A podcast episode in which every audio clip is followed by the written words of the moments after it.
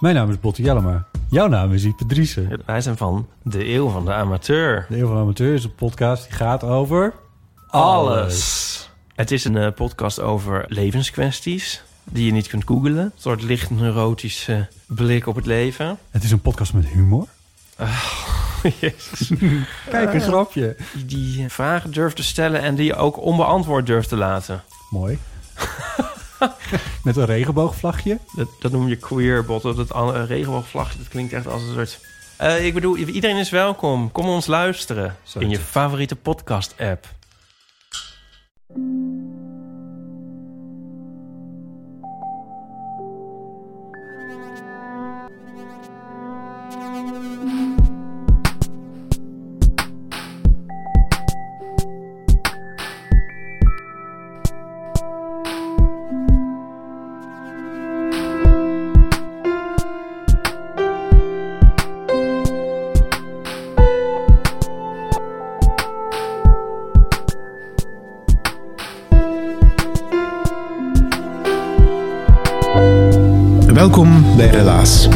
Mens zoals jij en ik een verhaal vertelt over iets wat hij zelf heeft meegemaakt.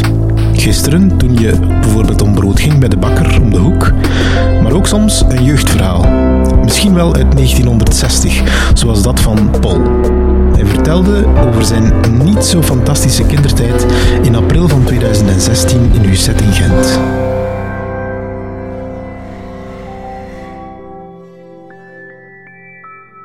Ik en mijn zus zijn besmet geworden eh, in 1960 door een man die honderden mensen besmet heeft. Hij was kiemdrager, maar zelf niet ziek. Hij is 84 geworden en gestorven aan kanker. Dat kan, dus als je kiemdrager bent. Er was een man die regelmatig bij ons thuis kwam eh, om zijn boterhammetjes op te eten. Collega van mijn vader. En ons moeder maakte verse soep. Dubbel zo aangenaam. En mijn zus en ik, wij gingen bij die man en via dat, dat plakje ham, die, die halve boterham, dat eitje, dat snoepje, zijn we dus besmet geraakt. Bespaar u wat dat er allemaal bij komt kijken. Eh, overdag was ik een doodmoe, maar onwaarschijnlijk gezonde jongen. S'nachts had ik geweldig last van nachtmerries, hallucinaties, noem maar op. Op zekere dag in mei 1960 komen buren langs. Ik, ik krijg zo'n dwaze geel-groene pet, die niet eens op mijn kop paste. Ik heb een dikke kop. Eh, ik kreeg een bal. Ik word helemaal het nieuw met, met kleertjes aan. Iedereen doet raar, iedereen is onwennig. Eh, ik krijg tikken op mijn schouder. Mijn moeder is, is heel gejaagd. eh, is, is rood aangelopen. Ik, ik zei, "Ai, mijn moeder doet zo raar, wat is er? We gaan een uitstapje doen. Ik had één tante, tante Gabriel, die komt met een auto rijden, zo'n Volkswagen Kever. Ik word in die auto gestopt en daar gaan we een uitstapje doen.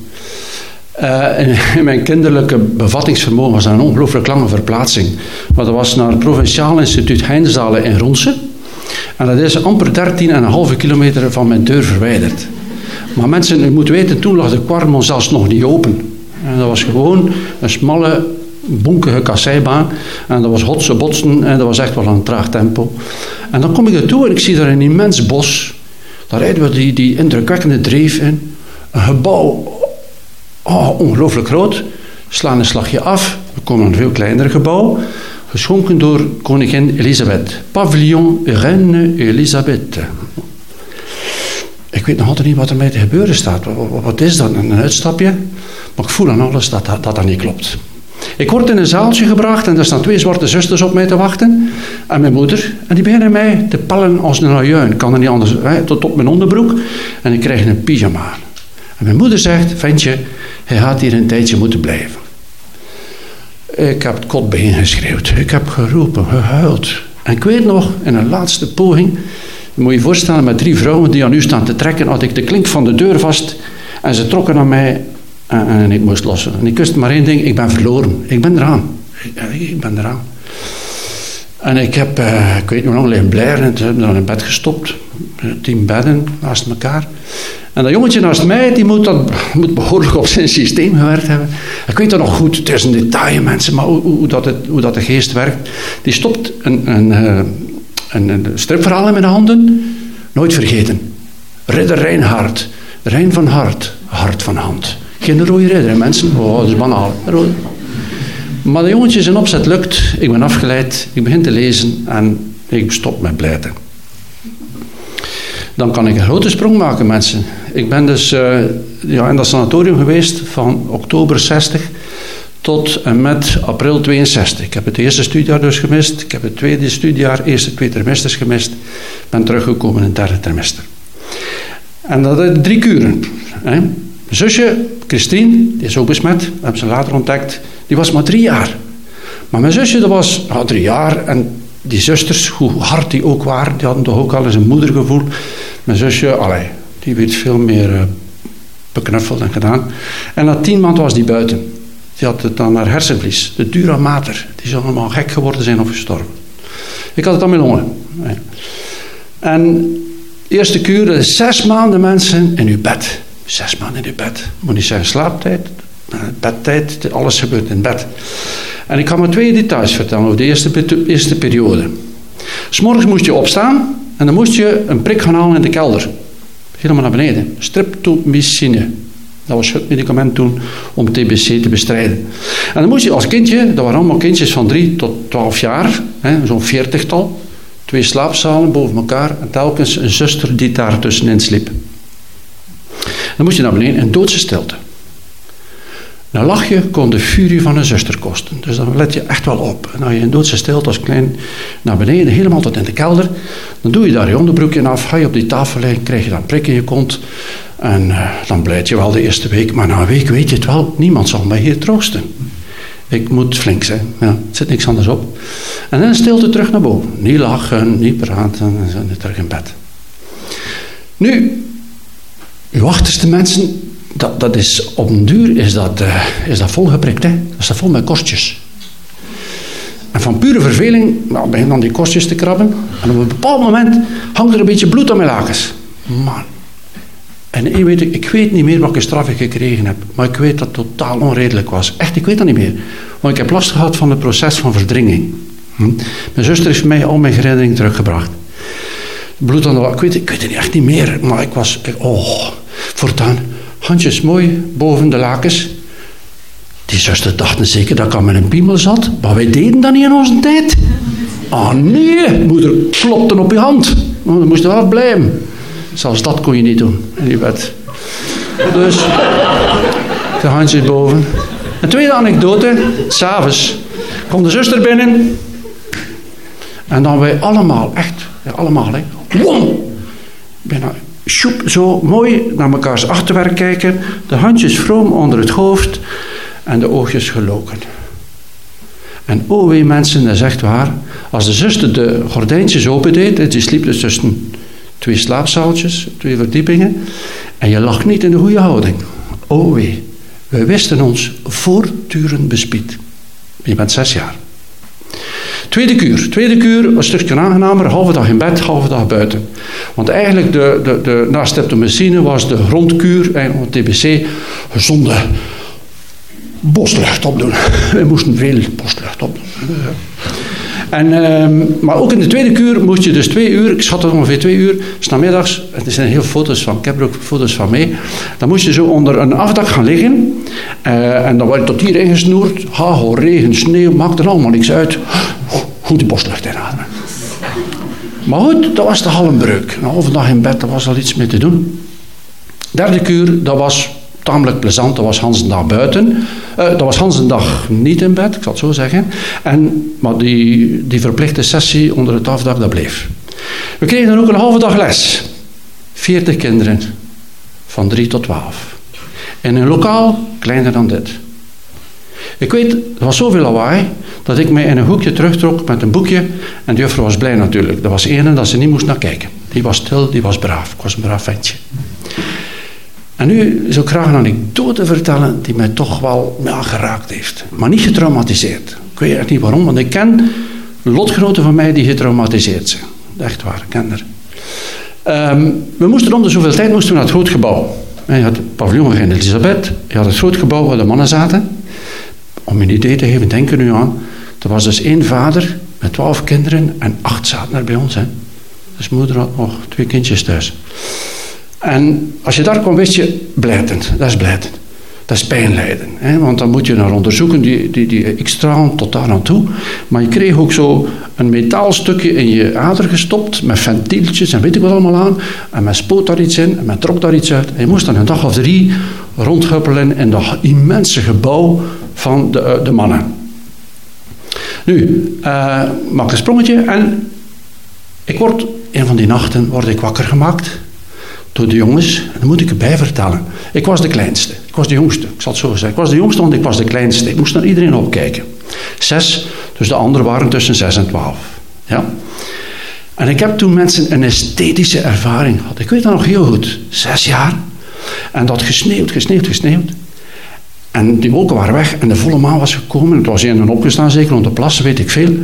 En het was echt fantastisch. En wij allemaal voor de raam, en de schijnzaal ligt boven op een berg, hè, berg, Vlaamse eh, Ardennen. En helemaal ondergesneeuwd, kale bomen, her en daar een huisje en zicht tot in Wallonië. Fantastisch, Bruegeliaans. Maar natuurlijk, na, oh, na tien minuten heb je het wel gezien. En je bent wakker. Met z'n vijf of z'n zes, ik weet het niet juist. Wat nu? Mensen, ik weet het niet. Maar waar dat bolkoorde vandaan gekomen is, ik weet het nog altijd niet. Maar een van die Charles had een bolkoorde. En het idee was een Bedouinenkamp. Ik was zes jaar en ik wist dat Bedouinen waren. En dus de bedden, drie, drie bedden, zo, zo, koorden gespannen. En dan laken ze erover. We hadden een Bedouinendorp. Oh, we waren echte, echte woestijnbewoners. Nu, we hadden te veel plezier. We hadden de zuster van 18 wakker gemaakt. Maar die zuster uh, die had niet de tijd genomen om haar kapje goed met speltjes vast te steken. Die komt er met veel roepen en lawaai de kamer binnengestormd zonder licht te trekken. Die valt daar over die koorden. Die plonst daar zo in die lakens. Die lakens vliegen daarover. En ik zie nu nog, zie ik dat kappetje met dat foularke eraan. Zo, Kijk, Allee, of je wilt of niet, je moet lachen. Je moet lachen. Dat is hilarisch. Dat is hilarisch. Een zuster in een ondergoed, zonder kapje, betoven onder de la. Ja, dat is, dat gewoon hilarisch. Oh wee, oh wee. En haar moeder richtte zich vooral tot mij. En, en ik met berepen stemmetje, zuster, waarom ik? Waarom ik? Omdat jij de slimste bent. Nu ga ik eventjes uit het verhaal stappen. Mensen, allee. Omdat je de slimste bent. Neem nu nog aan dat dat waar is. Dat is wel een leuk idee voor uw, voor uw imago natuurlijk, voor uw ego. Maar wel kind van zes. En mocht het nu nog zijn dat ik dat zelf ook vond, dat dat niet kon. Maar ik, ik amuseerde mij te pletteren. Eindelijk eens wat animo in dat saaie gedoe. En dan, neem nu nog dat die voorwaarden kloppen. Wel kind van zes jaar zou het lef hebben om die grote mannen te zeggen, je moet in je bed kruipen. Maar goed, Paultje moest hangen. En weet je wat mijn straf was, lieve mensen? Het ergste wat een kind in Heinzalen kon overkomen. Er waren nog gestraft geweest voor één nacht, eh, sorry, één avond in de kelder. Heel alleen, in de kelder. Een week. Ik kreeg een week. Nu, kinderen bemoedigen elkaar een beetje en dus we hadden elkaar ik had het opgevangen, maar ik was echt een braaf jongen. Dat die Peti Mazoet, voor wiens deur dat wij moesten gaan zitten, Peti Mazoet, in onze streken stond nog met een i erachter, Peti Ludi, eh, Peti Mazoet. En, maar dat hij niet bestond, dat zusters, dat is voor ons schuiten maar. dus, uh, maar toch, en dan zit ik daar, ik denk dat het een derde avond was. Ben er niet zeker, tweede, derde avond. Ik weet wel dat ik de week niet moeten uitdoen heb. De zusters moeten gezien hebben dat ik totaal van mijn melk was. En dan moeten dus wel, ofwel was er een bezoekdag in aandacht, dan was ze misschien bang dat ik aan mijn ouders zou zeggen. Ik weet het niet. Nu, ik zit daarvoor, ja, en je hoort dan dat gebons en geronk en dat geklater van dat water en die buizen boven je hoofd. Heeft u gezegd dat nooit verder dan 10 centimeter mag komen? Um, en, en je hoort dan die stemmen van, van, van de kindjes en dan de schelle stem van de zuster. Um, mensen, en plots gaat die deur open. Van de Mazoutkelder, vlak voor hun huis. En dan komt er een reus van een vent. Mensen, het was een reus. Het was de reus van de Vlaamse Ardennen. Twee meter en twee. Hoe weet ik dat? Laat me onthouden dat ik dat op het einde zeg. Moet ik dat weten? En die man kende zijn rol. En zit zo'n ventje van zes jaar. En die komt naar mij toe. En wat zie ik? Zwart. Ja, zwart, zwarte overal. Zwarte roetvegen op zijn kop. Twee karbonkels van ogen. en een rij witte tanden. En die komt zich zo voor mij buigen. Manneke, je hier nog een keer zien? Pak ik hem mee en gaat die ouders niet meer willen zien. Een lelijke steek niet. Oh, reken. Mensen lief, ik, ik was verstart van angst. Ik, ik, ik dacht, ik ben eraan, ik ga dood. Ik dacht, moeder, moeder, zit je? Vader, vader, help, help. Ik heb uren nodig gehad om mezelf weer een klein beetje samen te rapen.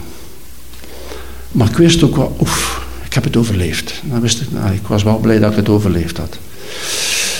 En dan mensen, ik was al een lief ventje. Ik ben nog liever geworden. Ja, zuster. Nee, zuster. Wat deden wij bijvoorbeeld wel? In het jaar 60, 61 moet je... Hè, dus waren weinig ijskasten, weinig diepvriezers. Dus wij kregen bijna elke avond kregen wij uh, gezouten of gerookt vlees. Hè? Ja, en dan moest altijd, je bord moest leeg. Was stak in ons zak. En in de bos, tjoep, hè, weg. Mensen, ik heb de laatste jaar heb ik alles opgevreten. Ik heb gewurgd en geslikt. Het is maar een jaar of vijf nu dat ik terug met smaak gezouten en gerookt vlees eet. Zo lang heeft dat geduurd. Ik dacht misschien ook, misschien, en ik heb het ook niet te verzeggen aan mijn ouders. Ik heb het ook niet te verzeggen aan mijn ouders. Want uh, ik wist mij terug overgeleverd na 14 dagen aan, aan, aan de zusters. Dus uh, ja, ik, wist uh, dat ik aangeschoten wild was. Als ik dat durf. En wat was er dan eigenlijk nog een lichtpunt? Pas op, mijn verhaal van positief eindigen. Bezoek van uw ouders. Om de 14 dagen, van 2 tot 4, mochten de ouders komen. Maar dan heb je zo'n moeder met een koeken, koekengroot hart, of moeten zeggen koekenhart. Die nam alle kindjes mee die geen bezoek hadden. Dan slofte ik daar met twee aan mijn hand, een stuk of zes, zeven ander. Weer de zoveelste wandeling door dat park. Godverdomme, dan dacht ik, moet je, moet je, moet je. Zie je mij, pak me je vast.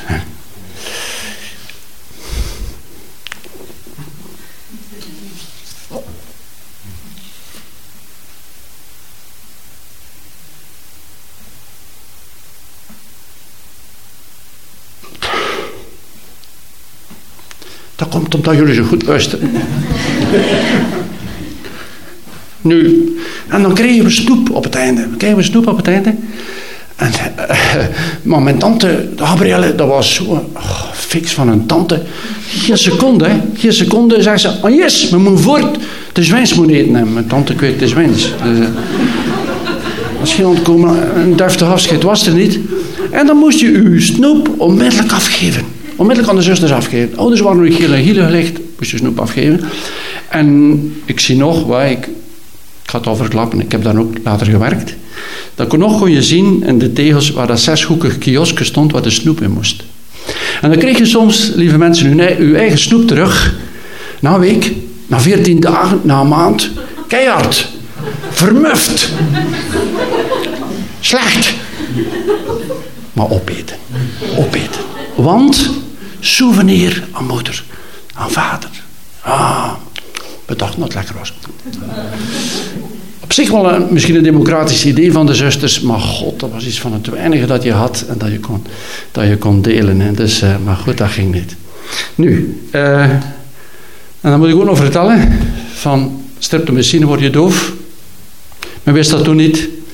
Dus ik, uh, ik ben nu in december op pensioen. En de hoofdreden is ja, dat ik doof word. Leidt maar een keer een vergadering als, als je de vragen niet verstaat dat de mensen nu stellen. Dat is echt wel uh. En, uh, en is dat alles samen een, een, trieste... Ja, god ja, dat was uh, echt wel keihard. proces van verdringing heb ik dus echt wel meegemaakt. Weet je wie mijn, mijn zus... Mijn zus heeft al mijn herinnering teruggebracht. Mijn zus was drie jaar. Die was dus ja, een lief kind. En, en die zusters waren een beetje de surrogaatmoeders. En, en die kleintjes, ja, die zagen ze liever. Um, dus die, die was ook op tien maanden thuis. Niet de tijd om veel schade aan te richten. En mijn zus zei later, Paul, weet je nog van? Oh! En dan kan dat terugkomen. Wanneer kan dat terugkomen? Als je, als je ja, psychisch gezond bent, als je, als je situatie goed is, kan, mag dat terugkomen. En vooraan in je hersenen. Zo heb ik eigenlijk heel veel, maar veel dingen ben ik totaal vergeten. Mijn eerste communie, ik weet daar niks van. Ik heb mijn eerste communie daar gedaan. Ik weet daar niks, echt niks meer van. Raar. Want mijn tante zei, allee Paul, weet je dat? Nee, ik weet dat niet meer. Alles weg. En mensen in datzelfde instituut, Provinciaal Instituut Heinzaal, 62. Ik was van de laatste die weggegaan is, want toen waren al zo goede medicamenten dat je op drie maanden tijd uh, thuis kon genezen van TBC. Zes, maar zes jaar heeft dat leeggestaan. En in 68 is dat een instelling geworden voor moeilijke opvoedbare jongeren. Ik ben daar opvoeder geworden. Hoofdopvoeder later. En ik denk mensen dat ik dankzij die ervaringen, dat ik, klinkt misschien een beetje aanmatig en ik hoop dat, dat, ik een goede opvoeder was, maar ik kon mij perfect voorstellen, ook al ben je 13 tot 18. En je komt er in dat groot 43 hectare grote bos. En je moet er in die lange laan. En die mens gebouw. En ik had ook nog veel kleintjes, 13, 14, 15 zo. Uh, dat, dat, dat heeft een ongelooflijk impact op je. En dan kon ik bij, bij die macho's, hè, als de demonen s'nachts toesloegen, of als ze snode plannen smeekten, of vluchtplannen, of weet ik veel, dan denk ik dat ik veel kunnen doen heb. Want ik deed graag nachtdienst. Dat klinkt, ik heb, bedoel zeker niet pocherig, maar veel mensen deden niet graag nachtdienst bij ons. Voor 40, 50 jongeren heel alleen nachtdienst doen. Maar ik deed dat graag.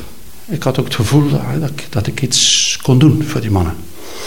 En dus het is zeker geen... Uh, ik heb dus 22 jaar en een half gewerkt. Dus één die kamer waar ik nu van spreek, met uh, dat Breugeliaans tafereel, is één van mijn slaapkamers geworden.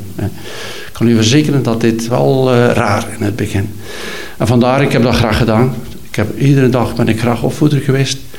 Um, en die nachtdiensten alleen al, ik denk dat ik daar een boek zou kunnen van schrijven. Maar misschien is dat stof voor een ander verhaal. Ik dank u wel.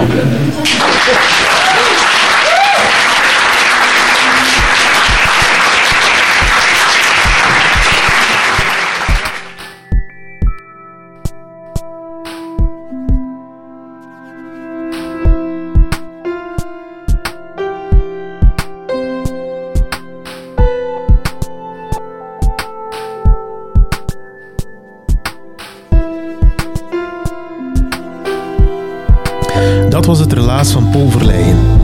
Een spraakwaterval, dat hoor je. En ook de oudste en wijste verteller die we tot nu toe konden strikken om zijn relaas te vertellen. De zaal was muis en muisstil en iedereen hield zijn adem in toen het voor Paul eventjes te emotioneel werd. Gelukkig raapte hij al zijn moed samen en kon hij verder gaan met zijn verhaal.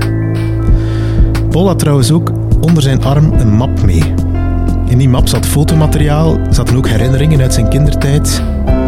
En na zijn relaas gingen de mensen bijna op zijn knie zitten om meer te kunnen horen.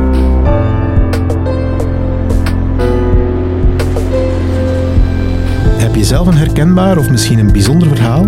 Dat mag intiem zijn of niet, maakt niet uit.